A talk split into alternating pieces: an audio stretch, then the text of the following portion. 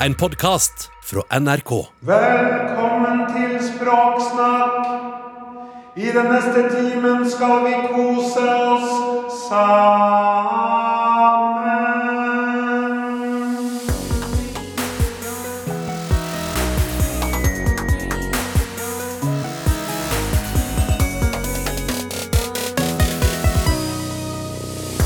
Du trodde kanskje at en forbønn før og en forbønn nå var en og samme sak? Da tar du grundig feil, for der man i gamle dager trua med evig straff og pine, handler det nå om å coache sognebarna på veien til det gode liv. Ja, du lytter til Språksnakk, og enten du er ute på ski, værfast på ei fjellhytte eller koronafast i leiligheten din, så kan du glede deg til en innholdsrik time. I tillegg til endringer i bønnespråket skal vi også svare på lytterspørsmål og bli kjent med en tekstforfatter som får spader av svada. Ukas nøye utvalgte panel består av pensjonert språkforsker Astrid Ramsfjell, sogneprest i Nidarosdomen og språkviter Andreas Hilmo Grandi Teig og gudstjenesteforsker Merete Thomassen. Hjertelig velkommen til dere. Tusen takk. takk. Nå i påska, med massevis av helligdager og gudstjenester, så er kirkeliturgien i flittig bruk. Liturgien er jo en slags kjøreplan for gudstjenesten, og det er mange prester som sitter nå og jobber med sine ferske bønner, eller nyskrevne bønner. da. Og de her bønnene, altså de som skrives av presten, har du forska på, Merete Thomassen? Ja, jeg har forska på, på endringer i nyere bønner som brukes i gudstjenesten. Ja, Hva slags bønner er det snakk om? Den viktigste bønnen av de, det er den bønnen som heter forbønn. Da skal du be for kirken og verden, både der du bor og i, og i hele verden. Og så er det den bønnen som i dag har fått navnet samlingsbønn, men som før het klokkebønn. Det er Ja. særlig de to jeg har sett på. Ja, Hvor langt tilbake har du gått i, i dette arbeidet? Du For å sammenligne så har jeg gått flere tusen år tilbake. Men det som jeg har særlig sett på, det er et forslag til gudstjeneste som kom i 2008. Ja, og jeg må bare presisere at det er, ikke, det er ikke prester som har sittet lokalt og skrevet de, men det var et forslag som kom fra Kirkerådet, som er Den norske kirkes høyeste organ. Ja. Ja. Og du, og du, altså, du har satt uh, søkelyset på språket i de her bønnene? Ja. I noen av de forslaga fra, fra 2008 så så jeg at altså her er Gud en som skal hjelpe mennesket til å realisere sitt unike potensial. Ja. Ja. Og det er ganske morsomt, Ja. eller alvorlig, eller hva, eller hva en skal si. Interessant er det. Ja. Ja. Ja, for da, altså, Du har jo sammenligna bønnene som bes i kirka i dag, med, med coaching og spiritualitet. ja. Ja. Ja. Vil du ha et par eksempler, kanskje? ja, det vil jeg veldig gjerne ha. Ja, fordi jeg så altså Denne klokkerbønnen er det sikkert mange eldre lyttere som husker. Den begynner sånn Herre, jeg er kommet inn i dette ditt hellige hus for å høre hva du, Gud Fader min, skaper, osv. Du hellige trøst, ånd min trøster i liv og død vil tale til meg. Og så kommer Herre, lukk nå opp mitt hjerte så, ved din hellige ånd, så jeg av ditt ord kan lære å sørge over mine synder og tro i liv og død på Jesus og forbedre meg hver dag i et hellig liv. Altså Det er veldig alvorlig, og alle skjønner at vi har ikke kommet til kirken for å ha det gøy. Altså Her er det alvorlig. Her er det sjelens frelse og det evige liv som står på spill. Ja. Og så forsvant den klokkebønnen ut, fordi mange mente med rette at den var altfor tung. Og altså, Den norske kirke har virkelig et problem med språket sitt. Så at behovet for fornyelse er veldig, er veldig stort. Men så kom det noen alternativer. Og nå heter ikke klokkebønnen klokkebønn mer, den heter samlingsbønn. Og nå kommer bønner som Guds hellige ånd, gi oss håpets fantasi og troens evne, så vårt liv kan få farger. La gudstjenesten i dag bli fylt av glede. Ja. Eller mange bønner som har dette med gode drømmer. Gode Gud, i dag vil vi be deg om gode drømmer. Hjelp oss å tenke fint om andre. Eller gi oss tilbake drømmen om det gode liv. Ja. Og hva er det? spurte jo jeg da. Ja. Ja, ja, hva er det, da? ja hva er det? Altså, du, du brukte begrepet spiritualitet, eller selvspiritualitet. Og, og, det er et begrep som eh, Nå skal jeg prøve å ikke bli altfor forskningstung her, men altså det er et begrep som brukes av bl.a. to spiritualitetsforskere som heter Heelas og Woodhead, som snakker om at den formen for måter å tro på, eller måter å være spirituell på, er veldig opptatt av selvet. Altså av de gode følelsene, av å drømme gode drømmer. Dette har vi veldig mye i coachingspråket. Altså sette seg store hårete mål. Mm. Sikte mot stjernene. Alt er mulig, bare du drømmer gode drømmer og har tru på deg sjøl. Og, og, fokuserer på positive følelser. Altså ganske, ganske, stor endring, rett og slett? Det er en kjempestor endring. Ja.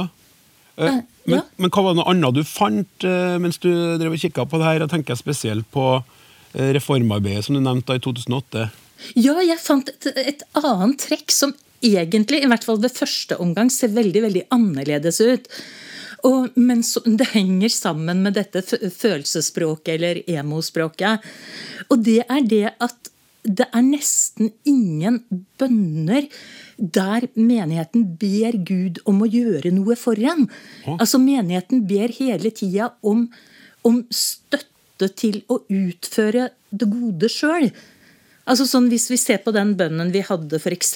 helt fram til 1977, som, eh, som, eh, så heter det um, Gi fred i verden og fred i hjertene. Hold din vernende hånd over vårt folk og fedreland. Bevar vår konge. Mm -hmm. uh, gi oss ja, Hvordan er den, da? Hvor man også ber for været. Altså gi oss godt og tjenlig vær. Altså Det er veldig sånn tydelig at nå ber vi Gud om å gjøre noe vi ikke kan gjøre sjøl. Ja, hjelp oss. Hjelp oss. Veldig sånn tydelig hjelp oss. Hva kommer nå? Jo, hjelp oss til å ta vare på ditt skaperverk og forvalte naturens ressurser til beste for hverandre. La dialogens og samarbeidets ånd hvile over forhandlinger og avgjørelser Fri oss alle fra mistenksomhet og hang til prestisje, og hjelp oss til å leve i fred og forsoning. Hjelp oss til å se vårt ansvar der mennesker har mistet grunnlaget for sin eksistens, og gi oss styrke og mot til å respektere alle menneskers likeverd. Altså, Fryktelig mye å si om dette. og Det ene er jo at dette språk sånn som De eksemplene jeg leste nå, de kunne jo nesten stått i et hvilket som helst politisk jeg skulle akkurat til å si det. Ja. At det, det, det, hørtes ut Jeg så for meg en sånn talerstol og en forsamling, og så hører du ekkoet fra bygningene rundt når du står og sier, si de her ordene. Ja, det kunne vært sagt på Jungstorvet. Ja. At det kunne altså, hjelpe oss å skape rause og inkluderende fellesskap. F.eks. sånne bønner. Så det, det, ene er jo det at uh, dette, mm, disse bønnene er veldig prega av en sånn politikerretorikk. da, og det er noe greit nok, fordi kirkens språk har alltid vært prega av samfunnet rundt seg. Eller det er i hvert fall forståelig. Men det som er mer interessant, det er jo at uh, menigheten her ber ikke Gud om å hjelpe sånn direkte, men menigheten ber Gud om å bli Altså få visse egenskaper og holdninger for mm. at alt det vonde skal ta slutt. Mm. Og det, det, Jeg har mye godt å si om det. at disse hjelp oss Gud-bønnene de kan jo ofte være veldig sånn ansvarsfraskrivende. Altså sånn gi mat til de som sulter, og så trenger ikke vi å gjøre, en, uh, gjøre noe som helst. Mm. Men liksom det er likevel tegn på at kanskje vi ikke tror så veldig på bønn mer. Da. Eller at vi ikke, kanskje, kanskje, vi ikke tror så veldig på Gud. Oi, oi. Det her er jo en uh antakelse som jeg må spørre Andreas Hilmo Grandi Teig uh, kan tenke om, for du er jo både prest og språkviter. så hva, hva, tenker du om det Merete sier her? Det som Merete tar tak i her, er jo, det er jo sentralt. Eh, det er både hva slags ord bruker vi nå i vår tid for å, for å sette ord på problemer, um, bringe dem framfor Gud, på en måte. Mm. Uh, men òg det dette sånn grunnleggende teologisk problem som, som jeg tror vi baler med mange, mange, mange nå. Hva kan vi be Gud om? Eh, det handler jo litt om utviklingene. ikke sant? Det er ikke så lett lenger å si at alt det som skjer, er styrt av Gud. Vi, vi tenker annerledes om metafysikk og filosofi og åssen verden henger sammen. Sånn at åssen åssen kan vi da formulere en bønn? Det vi ser Merete snakke om, hun har jo beskrevet noen helt konkrete eksempler på, på bønnespråk.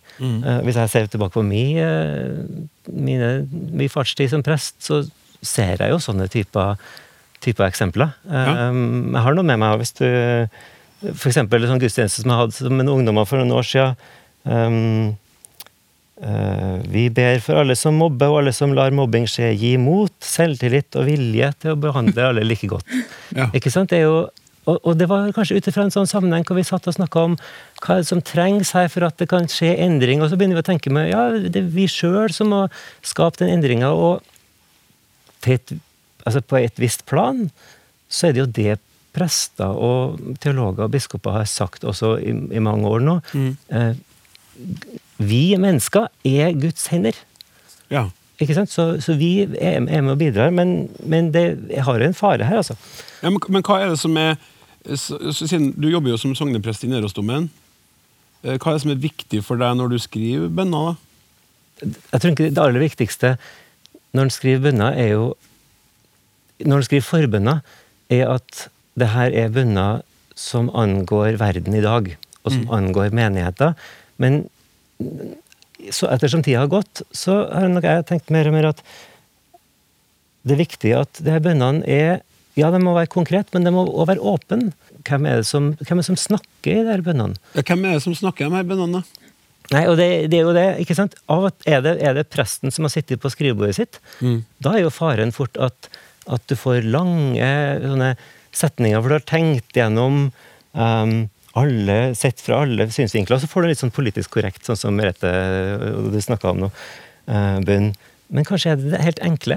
Kanskje det språket som, som menneskene kommer med til kirka, det er daglig, altså dagligordene de bruker. Det er et moment med det rituelle språket sant, som er spesielt, som er annerledes enn hverdagsspråket, men at vi kommer inn der med akkurat i forbønnen, at det er menigheten sin forbønn. At de kjenner at ja, dette her, med, det her er ting vi trenger å be om hjelp med. Men opplever du, opplever du deg som en kirkens coach? det Jeg tror kanskje at jeg aldri har opplevd meg som kirkens coach, men jeg tenker tilbake altså Vi er alle sammen prega av kulturen vi vokser opp i og lever i. Jeg tror nok kanskje jeg av og til har oppført meg så litt som en kirkecoach opp igjennom. Ja. Men um, um, blant annet Meretes i forskning og, og sine foredrag har jo åpna opp noen vinduer, ikke sant? Sånn at, eller noen, noen dører. Uh, så jeg tenker jo, nå tenker jeg jo mye mer uh, bevisst på at som prester så må vi være vi må være medvandrere. Det er et sånt godt ord fra, fra Nidaros. eh, Å være medvandrer. Og det betyr jo at da går vi sammen gjennom gjørma og prøve å finne ut av hva er det som brenner, hva er det som hva er vi sliter med, og så prøve å finne det språket som vi sammen kan eh, vende til Gud. Men Astrid Ramsfjell, eh, du var med i arbeidet med den nye nynorske versjonen da Bibelen kom i ny språkdrakt i, språkdrakt i 2011, og så sitter du i gudstjenesteutvalget i Sverresborg menighet i Trondheim. Men først må jeg spørre deg, hva tenker du om det Andreas sier her? Ja, jeg sitter og tenker bl.a. på det som ble sagt om hvem er denne beende personen? Hvem er det som snakker på vegne av menigheten? Og jeg får et inntrykk av, når jeg leser noen av de bønneformularene som, som kom i forslaget fra, ja, fra 2008 og utover, at det er en ganske sterk person. Det er et vi som, som definerer oss sjøl som sterke, oppreiste mennesker i stand til å gjøre viktige ting for andre på vegne av Gud. Eh, og jeg har noen ganger tenkt på om den den vi skal gjøre noe, dette vi skal gjøre noe for, er det et menneske vi kan inkludere i disse forbønnene som, som subjekt? Hvis jeg føler meg svak, eh, hjelpeløs, avhengig og ikke stolt, sterk og autonom, vil jeg likevel kunne identifisere meg med denne beende personen. Det er et, et moment som, jeg har, som har slått meg da jeg leser de nye. Ja, Det der er veldig nydelig at du sier, Astrid, for det er jo det jeg også har tenkt. At det her er det autonome mennesket Ja. som snakker.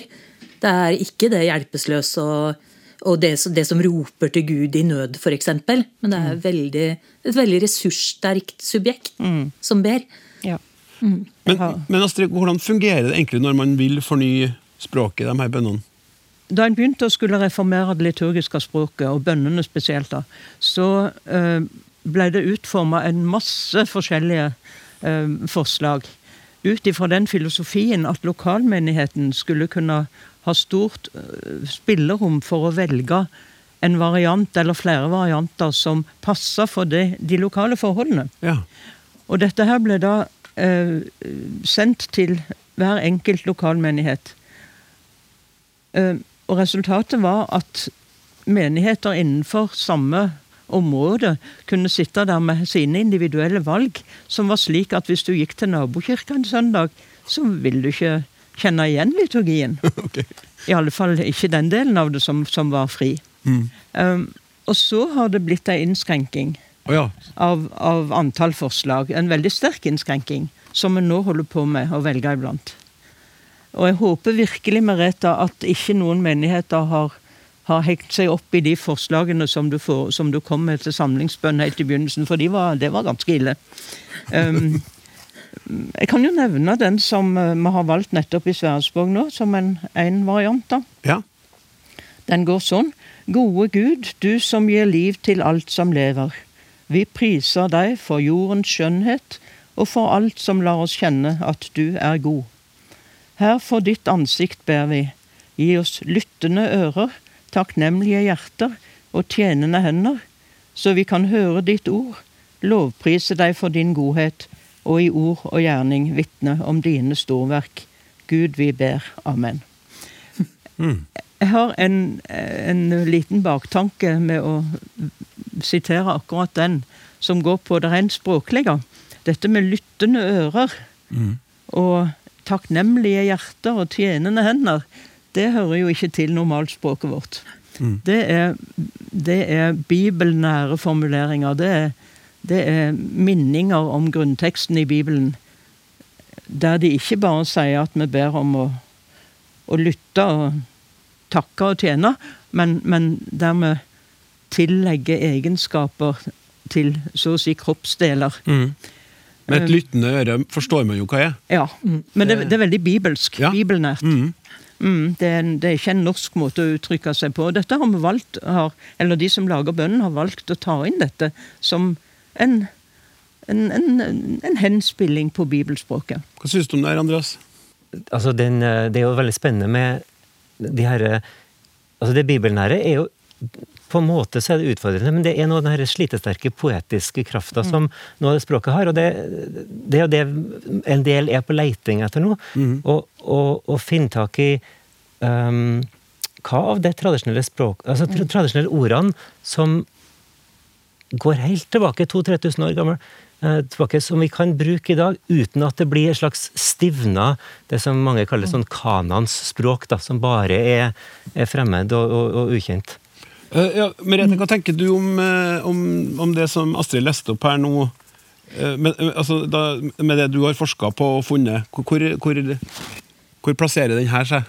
Jo, vet du hva, jeg kjenner den igjen, fordi den er, eh, den er mye eldre enn gudstjenestereformen. Ja. Den var en del av ja, det som heter dagens bønn tidligere. Og, og den hadde med den, dette å prise jordens skjønnhet. Det var noe som mange ønska seg mer av. Fordi det er, altså det er helt riktig det at det gamle det gamle norske bønnespråket det, legger, det har lagt altfor lite vekt på skaperverket og, og sånn, så jeg liker den settinga veldig godt. Og så tror jeg kanskje at jeg går litt i surr av de kroppslige metaforene. Men, men jeg vil støtte Astrid veldig i det at gudstjenestespråket det bygger jo i hovedsak på bibelske formuleringer.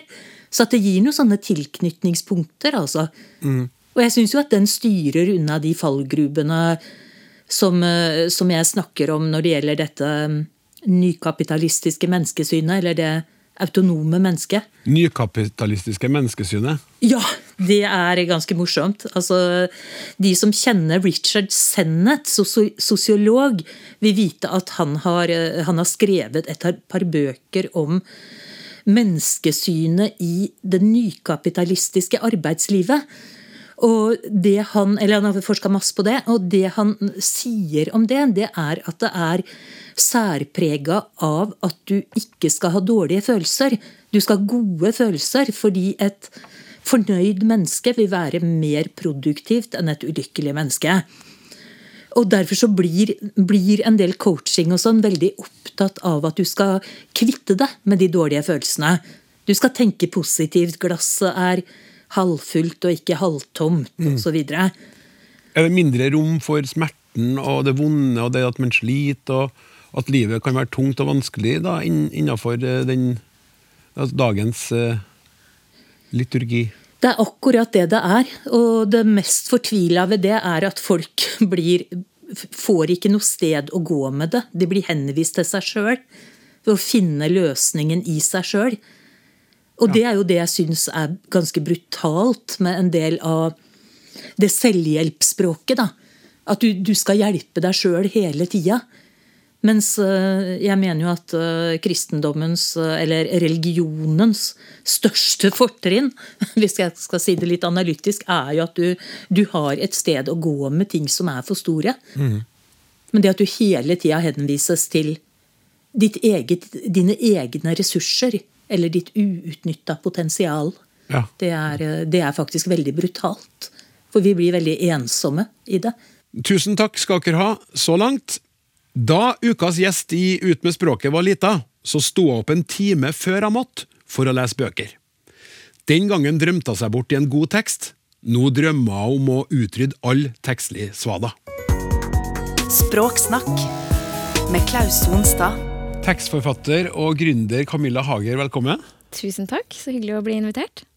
Du hadde utdanna deg til lærer noen år før, men i desember 2012 så tok du fram et blankt ark og fargestifter til, og så lagde du en plan for deg sjøl og fremtida. Hva gikk den planen ut på? Jo, da hadde jeg jobba med tekst i to år i et enkeltmannsforetak som jeg hadde oppretta. Eh, og det var egentlig bare et eksperiment for å se om det gikk an å leve av å skrive. Eh, men i 2012 så tenkte jeg er det mulig å gjøre det her til noe mer enn bare meg?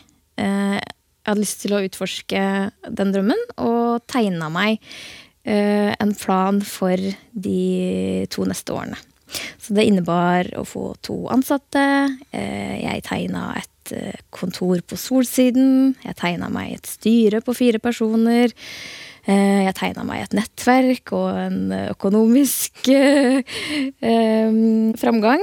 Eh, og så ble det på en måte mitt vision board for de to neste årene. Så det var min Ja, jeg tegna meg det målet jeg hadde lyst til å jobbe for. Ja, Hvordan fungerte det? Det fungerte veldig bra. Så etter to år så hadde jeg to ansatte, hadde lokale på Solsiden, jeg hadde et styre med de fire personene jeg hadde tegna, og ting gikk etter den tegna planen der. Så bra. Mm. Tekstbyrået som du driver i dag, heter Hva behager. Mm. Fint navn, må jeg si. Jo, takk. Og altså, Camilla Hager, Hva behager. Men hva driver dere med der? Der skriver vi.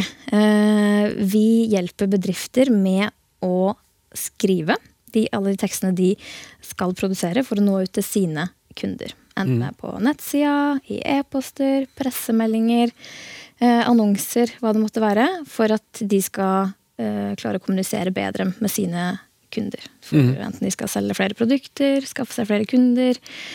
Eh, ja, hva enn de ønsker å formidle. Så vi, vi, skriver, og så holder vi skrivekurs for bedrifter. Ja, På hjemmesida deres til, til, tekstbyrået Hva behager, så står det 'Vi var her før hypen'. Ja. Hva, hva, mener du, eller, eller, dere, da, med det? Ja, hvilken hype? Eh, Altså, da jeg starta det enkeltmannsforetaket i 2010, så var det ingen som snakka om innholdsmarkedsføring og content marketing og alle disse tingene som har blitt veldig poppis de mm. senere årene. Så det kom etterpå, og da skulle alle levere innhold, og alle skulle ha innhold. Mm. Så det ble jo en bølge som vi kunne ri godt på, da.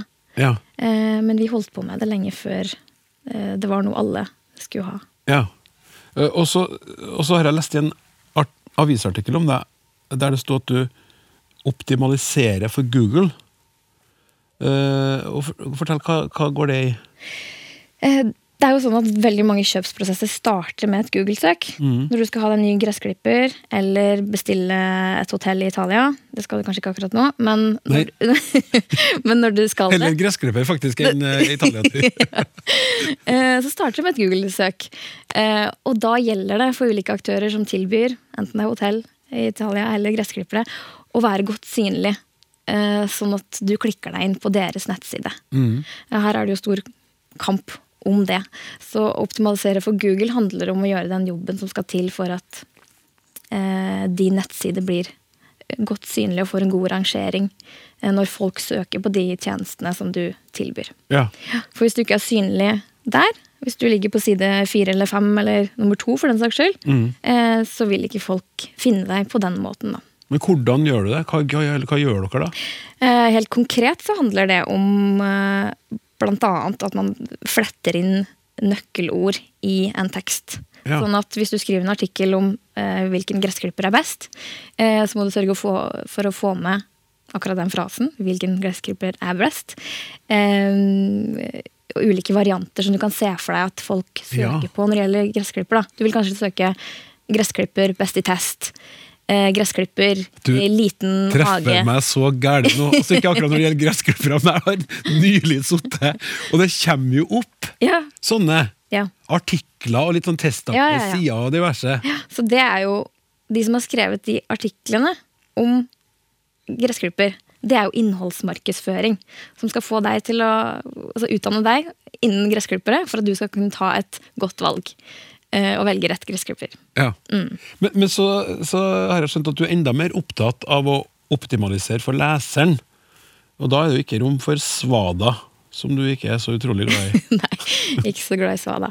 Eh, nei, for én ting er jo hvis du gjør en knallbra jobb med å få artikkelen din øverst, men hvis artikkelen er så dårlig at leseren bare snur i døra, Mm. så legger den ikke igjen noe penger hos deg. Så det er jo kunden, leseren, som har lommeboka.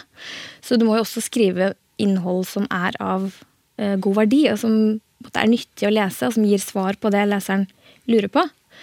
Eh, og som er, skaper troverdighet eh, overfor den merkevaren som, som skriver teksten. Mm. Så optimalisere for leseren handler jo om å, å skrive gode, lesevennlige, lettleste eh, artikler som gir gode svar. Altså, du, du tenker at det er viktig at man har en leseropplevelse uavhengig egentlig av det med å kjøpe produktet. Ja. Det sånn det er du opptatt av uansett, og så vil det hjelpe hvis du da er øverst på førstesida Yes. og har en god tekst, så hjelper det på. ja. Det hjelper definitivt på. Men, men hva skal til for at en tekst skal synge, da? Det her er jo ståle fra, fra dere. Ja. Eh, vel, altså man, det er jo mange måter man kan skrive noe på. Eh, man kan skrive det stivt og akademisk og eh, kronglete, som er vanskelig å forstå. Og så kan man skrive det i klartekst, eh, som jo er enklere å forstå. Og så kan man skrive det på en måte så det synger. Og da er det ikke bare enkelt å forstå, men også interessant å lese. Selv om du skriver om kjedelige temaer. Ja. Så enten du skriver om GDPR eller lakselus eller kloakk eller hva enn, sånne kjedelige temaer, så kan du skrive en god tekst ved hjelp av ulike virkemidler, som metaforer, eh, språklige bilder, eh, altså gi mer eh, sanser og liv til teksten. Mm. Sånn at uansett om temaet er kjedelig i utgangspunktet, eh, da er det jo desto større eh, altså viktigere å gjøre teksten spennende å lese. For hvis du som skribent har skrevet en tekst som leseren ikke gidder å lese, så har jo ikke du gjort jobben din. Spiller jo egentlig ikke gjør, noen rolle hva temaet er, da. Nei, Nei. da gjør jo ikke teksten jobben sin, for en tekst har jo en jobb. Ja, og det er sant, for at det der høres ut som en veldig sånn kommersiell måte å tenke på, men det har jo en tekst alltid, uansett hvilken tekst det er og hvem som skriver den. Ja. Om det er et firma som skal selge meg noe, eller om det er en forfatter som prøver å nå ut til noen lesere, så har jo en tekst en jobb. Ja, og det tror jeg veldig mange glemmer når de skriver at en tekst skal føre til noe. Du, du vil ta leseren fra A til Å, eller A til, til B. Du vil at de skal eh, innse noe, forstå noe, gjøre noe. Eh, og det å være bevisst på hva er det denne teksten skal føre til, før du skriver, eh, er et veldig godt tips for å vite hva skal du inkludere i den teksten. Ja. For hvis du legger ut f.eks. Eh, informasjon om et arrangement som skal foregå, så må du tenke ok, hva trenger jeg å fortelle leseren for at han skal ha nok informasjon til å ta en avgjørelse om han ønsker å komme på det arrangementet. Hvis målet ditt er å få han til å komme, da. Så du må si når det er, hvor det er, hvor lenge det varer, hvem det passer for, hva det koster. Eh, sånn. Så det, det kan være et godt spørsmål eh, å stille seg før man skriver. Altså, hva trenger jeg å si for at leseren skal være i stand til å gjøre det jeg vil at han skal gjøre? Ja. Vi skal komme tilbake litt til noen sånne gode tips. Ja. Eh, Men før det så er jeg interessert i å vite hvor denne tekstinteressen din kommer fra. Jeg har jo alltid vært glad i å lese. Mm. Eh, veldig glad i bøker. Og skriving var jo det jeg var best på på skolen. Ja. Jeg leste et sitat nylig som egentlig traff meg. eh, og det sto 'I write because I'm better on paper'. ja. Eh, og jeg har alltid følt det på den måten at jeg har klart å uttrykke meg bedre skriftlig. Så det har ja, vært en måte for meg å, å kommunisere på som jeg har følt at jeg mestra bedre enn en muntlig. ja. Og, og du leste mye som barn? Ja, ekstremt mye. Ja. Jeg var en skikkelig lesehest som uh, var på biblioteket hver lørdag og alltid hadde en stabel med bøker siden av senga og sto opp tidligere før jeg måtte på skolen. Stilte klokka tidlig. Uh, Ja, enn enn det der! Ja. For et fascinerende faktum. For en nydelig ting. Ja. Du stilte klokka for å, for å vekke deg sjøl, så du skulle rekke å lese før du skulle på skolen. ja, det er jo mange som leser på senga, men det er ikke så mange som leser på senga før de står opp. Men eh, det gjorde jeg, da. Ja. Ja. I, I fjor så, så ga du ut uh, boka 'Skriv så du får ja'. Ja. Og sjøl om jeg syns at teksten eh, er ganske sånn talende, så har jeg lyst til at du skal si litt mer hva den handler om. Eh, nå har jeg holdt veldig mange skrivekurs eh, og jobbet for mange ulike bedrifter eh, de siste årene. Så har jeg sett at ulike bedrifter sliter med de samme utfordringene. Eh, og jeg har sett hva det er, og jeg har sett hvordan enkle grep kan hjelpe dem å gjøre ting mye, mye bedre. Så jeg hadde lyst til å samle eh, det beste av det beste av tips og triks for hvordan eh, hver og en kan skrive litt bedre. Det handler ikke om at folk skal bli en tekstforfatter, men at alle kan gjøre en litt bedre jobb med små, enkle grep. Så jeg hadde lyst til å samle det i en, i en fagbok som skal være inspirerende å lese, eh, nyttig. Det skal være en sånn håndbok som du har på pulten og slår opp i, eh, og som gir folk leserglede. Det er kanskje en av de beste tilbakemeldingene jeg har fått, at folk eh, skriveglede. Ja. At de opplever at oi, skriving det er jo faktisk ganske gøy. Det trenger ikke å være så alvorlig. Fordi mange har med seg det fra, eh, fra skolegang og akademia at det skal være så seriøst, og korrekt tekst er sånn og sånn. Eh, mens jeg mener at med en gang man klarer å få befri seg fra de akademiske rammene og den tvangstrøya som det er, så blir tekstene mye bedre. Og det, du som skribent får det mye artigere med å skrive. eh, og tekstene eh, Ja, det blir mer schwung på dem. Ja, men Er er det noen utfordringer som de har til felles, dem du retter mot når det kommer til, til tekstarbeid? Ja, og det er jo det som er interessant, at selv om du driver eh, gründervirksomhet og du har din egen spasalong, eh, eller du jobber i kommunen og skal eh, skrive tekster om en tjeneste på nettsida, så er det gjerne de samme utfordringene som går igjen. Og det er eh, hvordan kan vi nå gjennom til målgruppa? Eh, det vi skriver blir stivt og kjedelig, eh, og vi får ikke den responsen vi vil ha. Ja. Så det er noe veldig mange eh, føler. Så det er gjengs eh, som Ja. sånne trekk uansett, det? Ja, det er sånn gjengs, og det gjør det jo enklere å skrive en bok som kan treffe eh, bredt. Fordi det er det mye av det samme som går igjen, og det er de samme grepene man kan ta enten ja, om man jobber i spasalong eller kommunen. det du sn- vi- har hatt en sending om en episode om klarspråk. Mm. Er det, er, det berører klarspråk, det du snakker om nå? Jute? Jo, absolutt. Ja.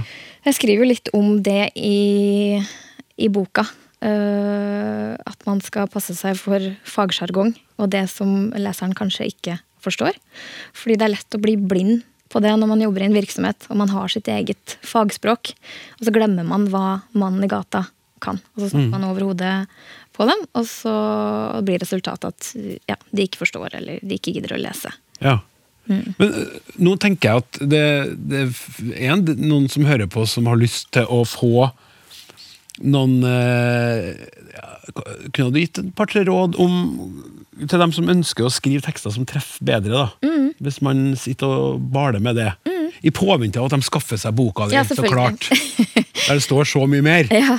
Um, et knep ehm, som gjør at man kan senke skuldrene og, og slappe litt mer, er, er det å se for seg en enkelt leser. Fordi når vi sitter der ved tastaturet og skal publisere noe på internett, så blir det gjerne en sånn, ut i en sånn stor grå masse. Alle der ute.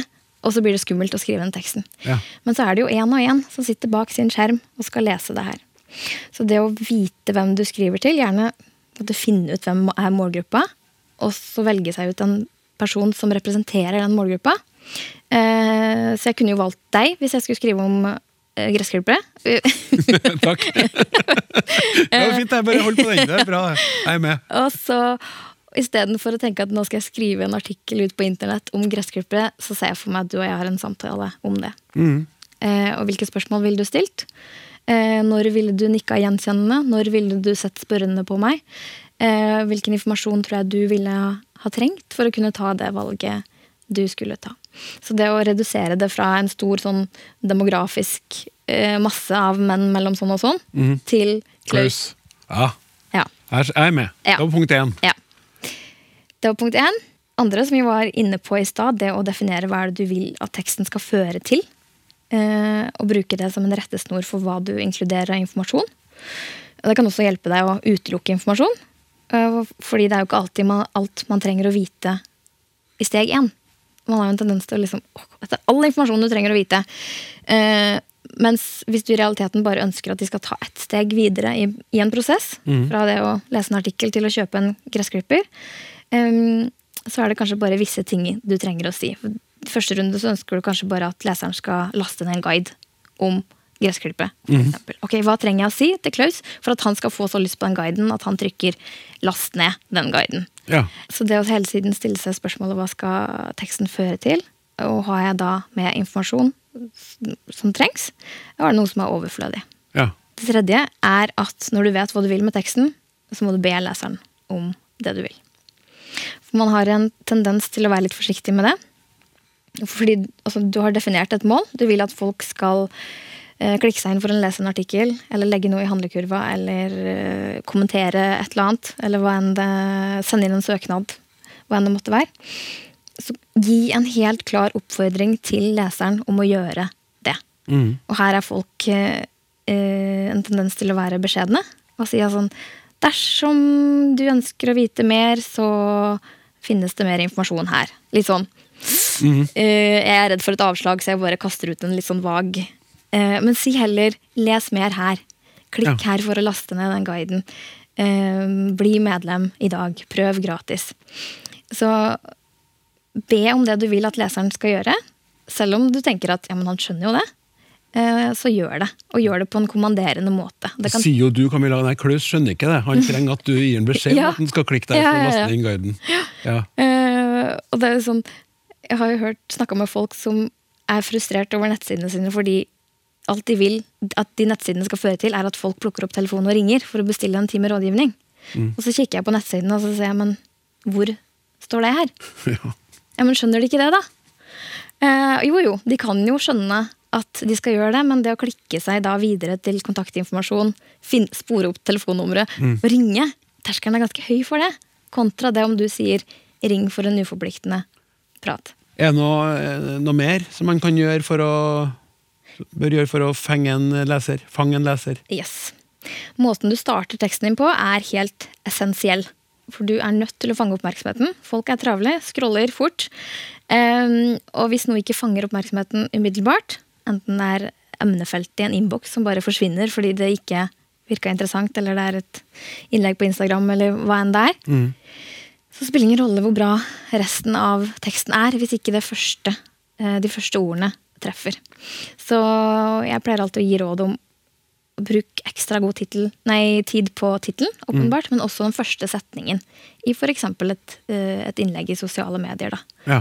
For hvis du bruker første setningen på å snakke deg varm, eh, eller kommer med noe sånn kjedelig bakgrunnsinformasjon, så kommer poenget litt sånn litt etterpå, så er det for seint. Ja. Fordi da er folk allerede fem meter scrolla forbi. Men det slår jo meg at det der er sammenlignbart med skjønnlitteratur. Ja. Sant? Som du har lest mye av, og jeg har jo vært borti noen romaner, jeg også, og da er det jo dem som du, eller jeg, ofte leser ferdig, har jo fantastiske åpninger. Og det er gjerne den første setninga bare, som griper deg, og som får deg inn i Ja. Det er veldig interessant at du sier det, fordi når du har investert i en bok, så kommer ikke du til å legge den fra deg hvis første setning ikke treffer. Du leser et par sider, kanskje til og med et par kapitler, før du tenker nei, den var ikke noe særlig.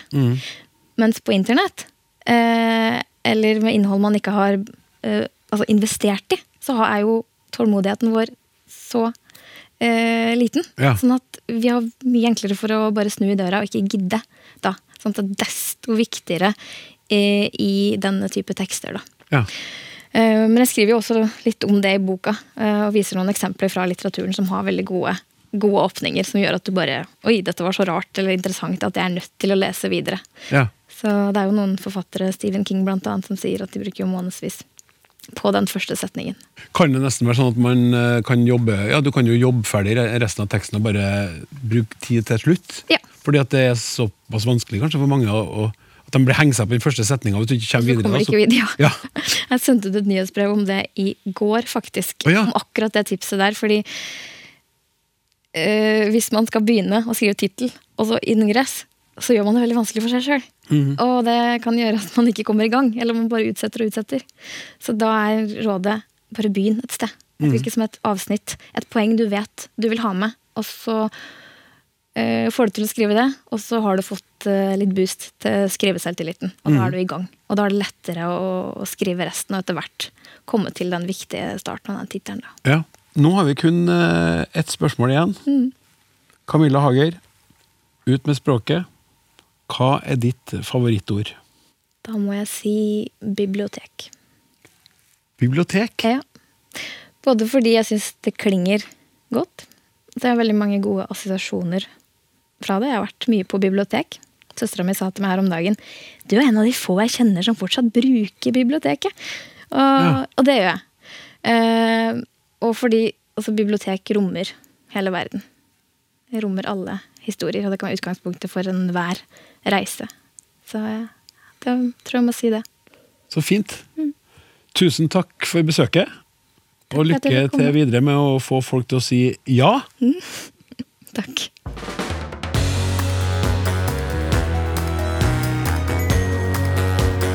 Hør flere episoder av Språksnakk i appen NRK Radio. Natta mellom påskeaften og første påskedag så er den stille uke over. Da har vi vært gjennom palmesøndag, skjærtorsdag, langfredag, og det er jo selvsagt en grunn til at de her dagene har de navnene de har. Og så er det jo selve påska, da. Merete Thomassen, du er fortsatt med oss. Mm. gudstjenesteforsker og greier. Ja, Påske. Hva er opprinnelsen til det ordet? Det kommer fra hebraisk. Det er eh, det hebraiske ordet pesach, som betyr å gå forbi. Og det er etter, eh, etter israelittenes flukt fra Egypt, hvor de kvelden før de skulle forlate eller rømme, så fikk de beskjed om å male blod fra påskelammet på dørstolpen sin, fordi den natta skulle dødsengelen gå forbi og knerte alle de førstefødte i Egypt. Ja. Men der hvor det var malt blod på dørkarmen, så gikk dødsengelen forbi. Så det er en ganske brutal forklaring på det ordet der. Jeg vet du hva? Jeg, jeg leste meg opp på det til denne sendinga. Hadde glemt det. Husker at jeg ble det fortalt da jeg var i kirka som barn. Og så lurer folk på hvorfor vi leser krim i påska. Ja, Altså Det er nesten komisk at vi driver og spør oss om det.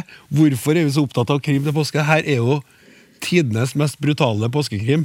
Det er altså så mye blod og, og elendighet i påsken at eh, det, det eneste rette er jo å lese krim. Og, Og se på TV. Andreas? Og fra Pa- Palmesøndag og det her gjennom de her dagene, det er et drama med en sånn nerve, og med, med svik og mord og tortur og ja. Altså, det, det er jo litt eh, paradoksalt at det kalles Den stille uke. Ja, og det er egentlig for altså, øh, Vi er jo egentlig i en fastetid fram til påskenatt. Og altså Fra palmesøndag så går vi inn i, den store, inn i det store dramaet. Og det ble markert ved at kirkeklokkene ikke ringte, rett og slett. Ja. At det ble ikke brukt kirkeklokker til de ulike gudstjenestene. Fram. Og det er jo det som skjer påskenatt for de som har vært på påskenattsgudstjeneste. Så begynner klokkene å ringe fulltonende påskenatt ved Jesu oppstandelse. Men klokkene tier i den stille uke. Og så har jo det også fått eh, konsekvenser for at folk levde stille. De gjorde ikke hardt arbeid, og de holdt seg mye hjemme, og de levde stille. Men det er faktisk klokkeringinga, eller fraværet av klokkeringinga, som har gitt den det navnet. Og Du nevnte jo at innledningen til det var palmesøndag. Ja, palmesøndag har fått navnet sitt fordi det er den dagen Jesus rir inn i Jerusalem på et esel. Og der står folk og hyller han med palmegreiner. Så ja. det, det, er liksom oppstarten da, hvor Jesus drar opp til Jerusalem for å lide og dø. Uff. Eh, ja. Eh, Andreas, eh, du er både sogneprest og språkviter. Eh, skjærtorsdag, har vi noe hyggelig å si om den dagen? Ja, Det er mer hyggelig enn man skulle tro. Ja. for for Umiddelbart så begynner jeg å tenke på skjærsilden og sånne ting. Mm. Men um, ordet skjær det går tilbake til, til gammelnorsk. Skiri. Det betyr å, å bli rein. Ja. Um, og det handler om det store, spesielle med skjærtorsdagen, hvor Jesus mm. knelte ned og vaska føttene til disiplene sine. Det var den gangen som nå en ganske radikal ting eh, at lederen og mesteren skulle knele ned for de andre. Um, så at um, det er det ordet. Det, det er litt sånn spennende uh, link over til engelsk òg. De engelske ordene er jo Monday Thursday for uh, skjærtorsdag. Og så er det Good Friday for langfredag. Og Monday går tilbake til latin, mandatum, eh, som betyr et bud. Fordi Jesus sier da i et av Johannes-evangeliet nå gir dere et nytt bud. Dere skal tjene hverandre.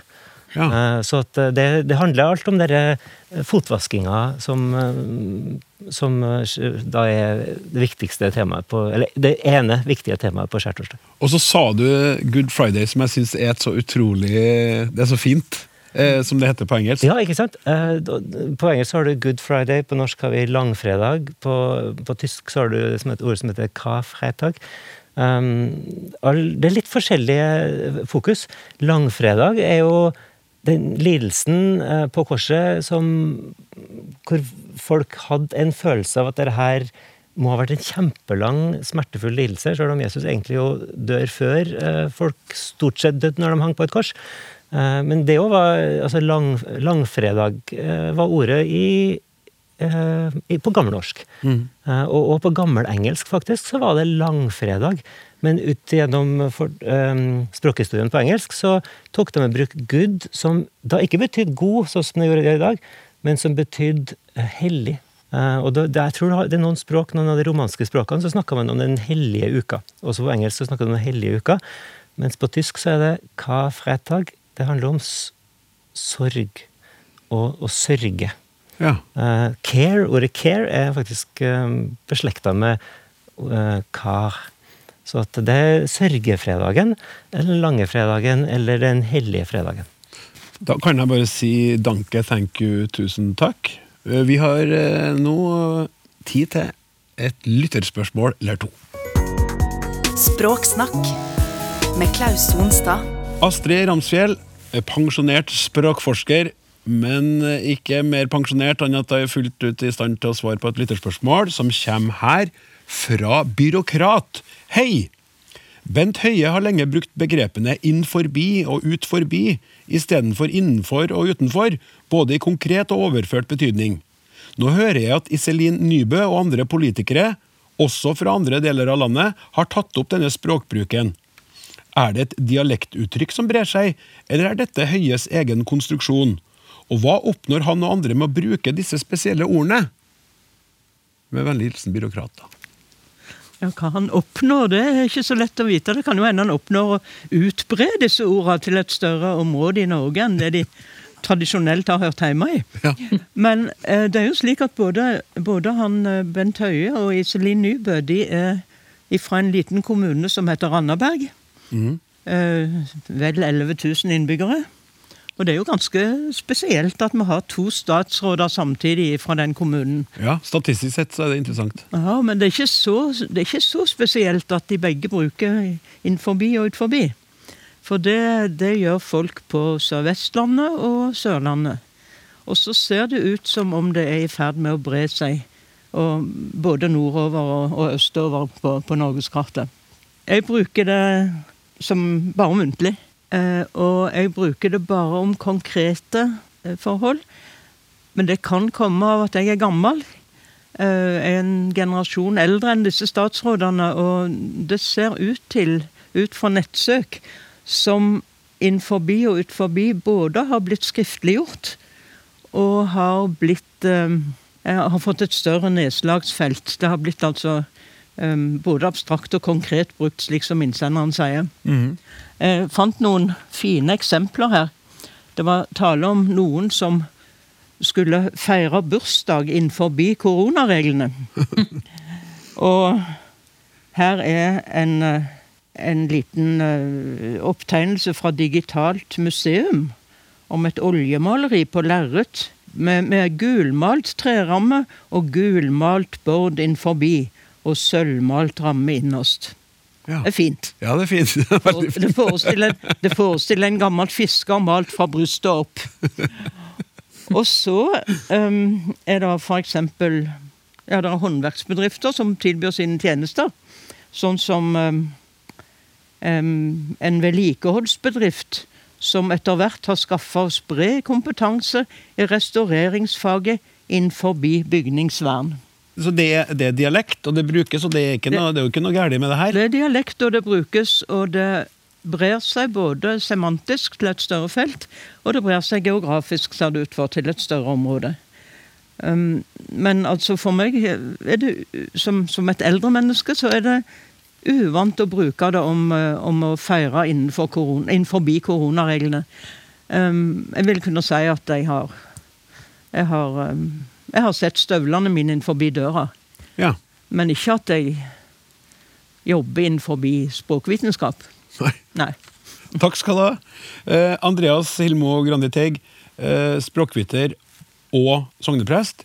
Du får eh, neste spørsmål fra Olaug Myhre Tvedt. Hei! De siste årene har jeg lagt merke til at mennesker ærlig innrømmer alt mulig, spesielt positive ting. Eksempel. Jeg skal ærlig innrømme at jeg gleder meg til dette foredraget. Eller jeg skal ærlig innrømme at jeg blir glad for å vinne slalåm i VM. For meg er en negativ handling, hendelse eller en konfrontasjon en forutsetning for å innrømme noe som helst. Fint om dette brevet blir bestart, besvart av dere som kan det. Det hadde vært gøy å vite svaret. Skriv Olaug, da. Jeg syns også det har vært gøy å vite svaret, Andreas. Ja, det er klart, Entydig er det svaret kanskje ikke helt. Det er jo utvikling, dette her. Men uh, hun har jo helt rett i at innrømme er et ord som, som uh, setter opp en kontrast. Mm. Uh, den er en, kontrast. så det er noe som et, har skjedd, og som er negativt. Mm. men så kommer dere ærlig innrømme. Det som kan skje med sånne ord, eh, eller sånne begreper, er at de, de beveger seg fra å være um, ord som betyr noe ut ifra meningsinnholdet til hvert enkelt ord, til at de blir mer eh, markører i setningen for å si noe om holdninga mi til det jeg sier. Ja. Mm. Du har et veldig lignende uttrykk som heter 'ærlig talt'. Og det begynte òg som eh, et, et, uttrykk hvor man sa 'jeg snakker noe helt ærlig'. Og så har det gått over, og da uh, var det i en setning uh, Men så har det utvikla seg til å bli egentlig et adverb. Mm. Ærlig talt. Og det flytter seg fram og tilbake i setningen som, en, som et adverb vil gjøre. Uh, og det kan jo være her at ærlig innrømme kan være enten prega av ærlig talt, eller at det er i ferd med å utvikle seg til å bli et litt mer sånn fast uttrykk. Og at eh, det, det er noe som kalles grammatikalisering her, som har vært diskutert en god del av språkvitere. Eh, og, og um, kanskje er det en sånn liten element av en sånn grammatikalisering, at det blir mer et, et uh, uh, Istedenfor ord med semantisk innhold, så blir det mer noe som prøver å fortelle oss hva mener jeg, og det her kanskje betyr det det her er noe jeg mener helt ærlig. Det her er noe jeg står inn for. Ja. Mm. I mediene ser vi ofte at det verbet 'innrømme' blir brukt synonymt med 'si' eller 'fortelle' noe. Mm. Kunne f.eks. lage ei overskrift som at Bent Høie innrømmer at det siste året har vært uh, travelt. Ja. Og det når det da står at han innrømmer noe, så venter leseren at nå kommer det noe som er litt sånn, sitter litt langt inne hos den som sier det. Og nå skal vi få greie på hvordan det virkelig forholder seg her. Og han er kanskje blitt pressa til å, å medgi det òg. Så det er en slags medielureri eh, å bruke innrømme for å fortelle. Ofte dreier det seg om ting som ikke er innrømmelser i det hele tatt, men som er helt nøytrale. ja. Men jeg blir narra til å bli interessert i det fordi jeg ser innrømme i overskrifter. Og Det kan jo bli et problem over tid for de her mediene som driver på med at du blir litt lei, men det er en helt annen diskusjon. Tusen takk. Eh, takk til eh, dagens panel, språkforsker eh, pensjonert sådan Astrid Ramsfjell, sogneprest i Nidarosdomen og språkviter Andreas Hilmo Graniteig, og gudstjenesteforsker Merete Thomassen. Språksnakk er dessverre slutt for i dag. Har du fortsatt litt godteri igjen i påskeegget, så trøst deg med det til vi høres igjen. Takk til gjestene våre også. Tekniker Martin Våge, produsent Hilde Håbjørg, redaksjonsmedlem Randi Lillealteren og programleder Klaus Sonstad er glad for at du hører på. Vi snakkes. Du har hørt en podkast fra NRK. Hør flere podkaster og din favorittkanal i appen NRK Radio. Teige lydstudio. Podkasten der alt kan skje. Thomas, Thomas! Gjør klar studioet i helvetes farter. Jeg fanga en premiumkjendis til å være gjest i Kompani Ellingsen. Men hvem, hvem har du fanget? Det er jo Morten Hegseth, for helvete. Jeg tror vi kan torturere mye sladder ut av han. Men han er så jævlig vill. Jeg må roe han ned. Se her, lille Morten. Lukk litt på den hvite Knuten. Hør en helt ny humorpodkast, Teige lydstudio, i appen NRK Radio.